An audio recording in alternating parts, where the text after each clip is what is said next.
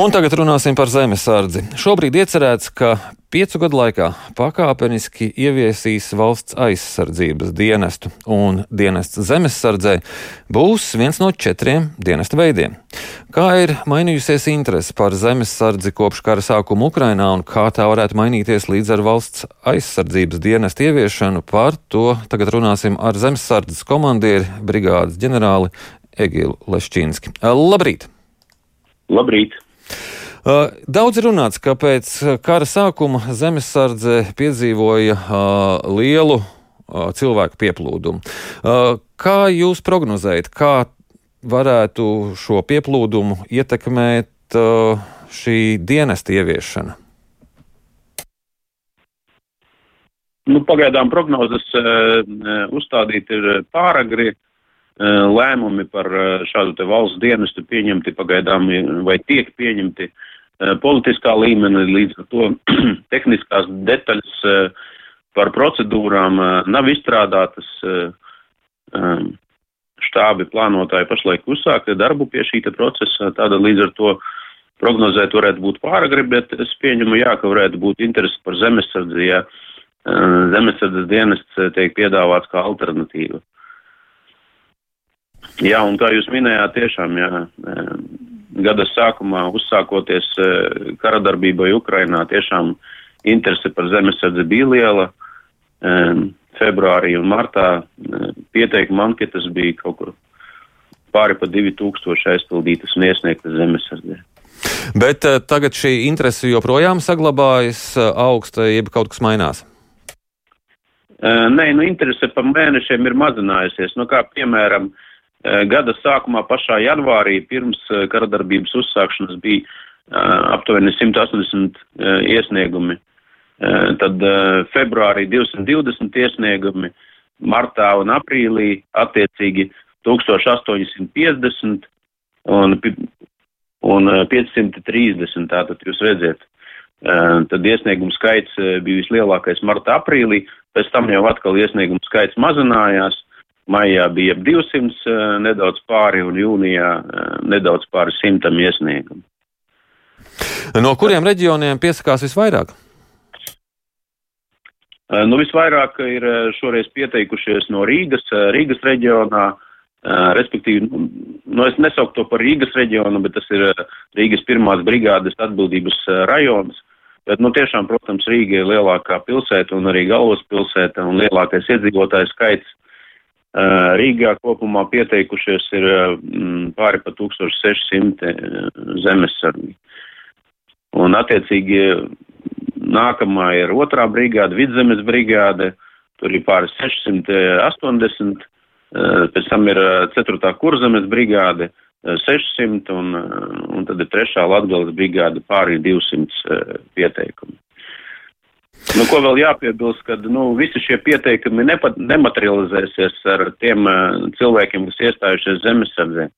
Daļa neizies varbūt medicīnas uh, pārbaudes, uh, daļa neizies attiecīgi drošības iestāžu pārbaudes, un ir arī cilvēki, kas vienkārši pieņem tādu lēmumu par uzraksta iesniegumu un pēc tam viņi pārdomā un, un vienkārši atsakās pieteikties. Cik liels tāds atbirums parasti ir? Nu, es par šo te konkrēti par pro, periodu nevaru jums pateikt, cik būs atbiruši. Nu, pašlaik uz doto brīdi kopumā eh, Nacionālos bruņotos spēkos ir 9500 eh, zemesargi, ja mēs ņemam arī eh, skaitam arī eh, mehanizētās brigādes eh, trešo bataljonu, kas tiek komplektēts pamatā no zemesargiem un arī Eh, gaisa, gaisa spēku, gaisa spēkus, kur tad eh, zemesargi nodarbojas ar eh, apsardzes pienākumiem lielvārdē, tad tur ap, aptuveni 9500 kopumā, bet, bet nu, tā zemesardze ir ap 9000, nedaudz pāri 9300 uz doto brīdi. Bet nu arī pāri pa 1500 anketas vēl ir apstrādes procesā, respektīvi aktīvi cilvēki, kas iet medicīnu un, un dažādas pārbaudes, eh, lai iestātos. Un tad redzēsim gada noslēgumā, cik tas eh, šie iesniegumi materializēsies zemesargos. Uh, bet uh, par zemesardzes lielumu runājot, vai ir tāds optimālais lielums, ka jūs varētu teikt, ka mums zemesardze ir pietiekami liela, šī, šis aizsardzības flanks, tā sauksim to tā, ir pietiekami stiprs? Nē, nu, grūti pateikt. Mēs neesam liela valsts. Un, Mums, es domāju, ka mēs nevaram nekad pateikt, mums pietiek. Tagad mums ir, teiksim, 11 vai 12 tūkstoši, nu,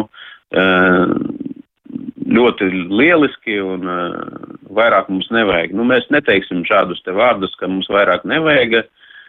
Patiesībā valst, valstīm, kam, kam nav liels dziļums, strateģiskais, operacionālais, un, uh, un kam nav milzīgs iedzīvotāju skaits un kam šāds kaimiņš blakus, uh, principā, iedzīvotājiem būtu jābūt gataviem aizsargāt savu valsti. Mēs arī saprotam, ka um, um, nevar visi iedzīvotāji būt profesionālā dienestā. Um, ir jā, jābūt citām profesijām, cilvēkiem jāstrādā un, un, un valstī jāfunkcionē normāli. Līdz ar to visa valsts nevar būt viena liela armija. Un tad līdz ar to zemesardze vai arī attiecīgi eh, dažkārt valstīs obligātais militārais dienests un attiecīgi rezervē nodrošina šo te aizsardzības potenciālu, kas, kas var tikt mobilizēts eh, kaut kādā krīzes situācijā. Uh, bet mūžu... bet nu, tas uh, ideālais aizsardzības potenciāls, raugoties tieši uz zemesardzi, uh, cik jūs te teiktu ideāli, ka, ka cik procentuāli uh, cilvēki būtu izgājuši zemesardzi, zemesardzi varbūt nav aktīvi šobrīd, un cik būtu ideāli būt aktīvi? Nu, es domāju, ideāli es tādu ciparu nevaru noteikt. Tas tāds nedaudz zīlēšana kafijas biezumos. Uh, Nu, es prognozēju, ka varētu būt tad, uh, tas uh, kaut kāds tāds cipars uz mūsu bataljonu skaitu pašreizējo. Ja mēs nepalielinam vienību skaitu, dramatiski nemainam struktūru, tad varētu būt uh, 15, 16 tūkstoši, kas varētu funkcionēt esošajā uh, komandu struktūrā. Bet nu, tas uh, cipars ir, uh, to vajadzētu analizēt uz šo jautājumu, tad man vajadzētu skatīties atsevišķi. Uh, un vēl, cik liela interese no sievietēm ir par iestāšanos zemesardzē šobrīd? Um, nu, mums uh, vīriešu, sieviešu, tad attiecīgi procentuālais sastāvs zemesardzē uz doto brīdi ir uh, vīrieši 80% un sievietes uh, 20%. Uh, nedaudz uh, procentuālais uh, sastāvs sieviešu ir mazinājies uh, pēc janvāra, uh, pavisam nedaudz. Pirms tam mēs bijām apmēram aptuveni 79% vīrieši un 21% sieviešu, un tad attiecīgi pašlaik 80 un, un 20. Man, jās, man jāsaka jums paldies par šo sarunu. Atgādinu, ka mēs sazinājāmies ar zemesardzes komandieru brigādes ģenerāli Egilu Leščīnski.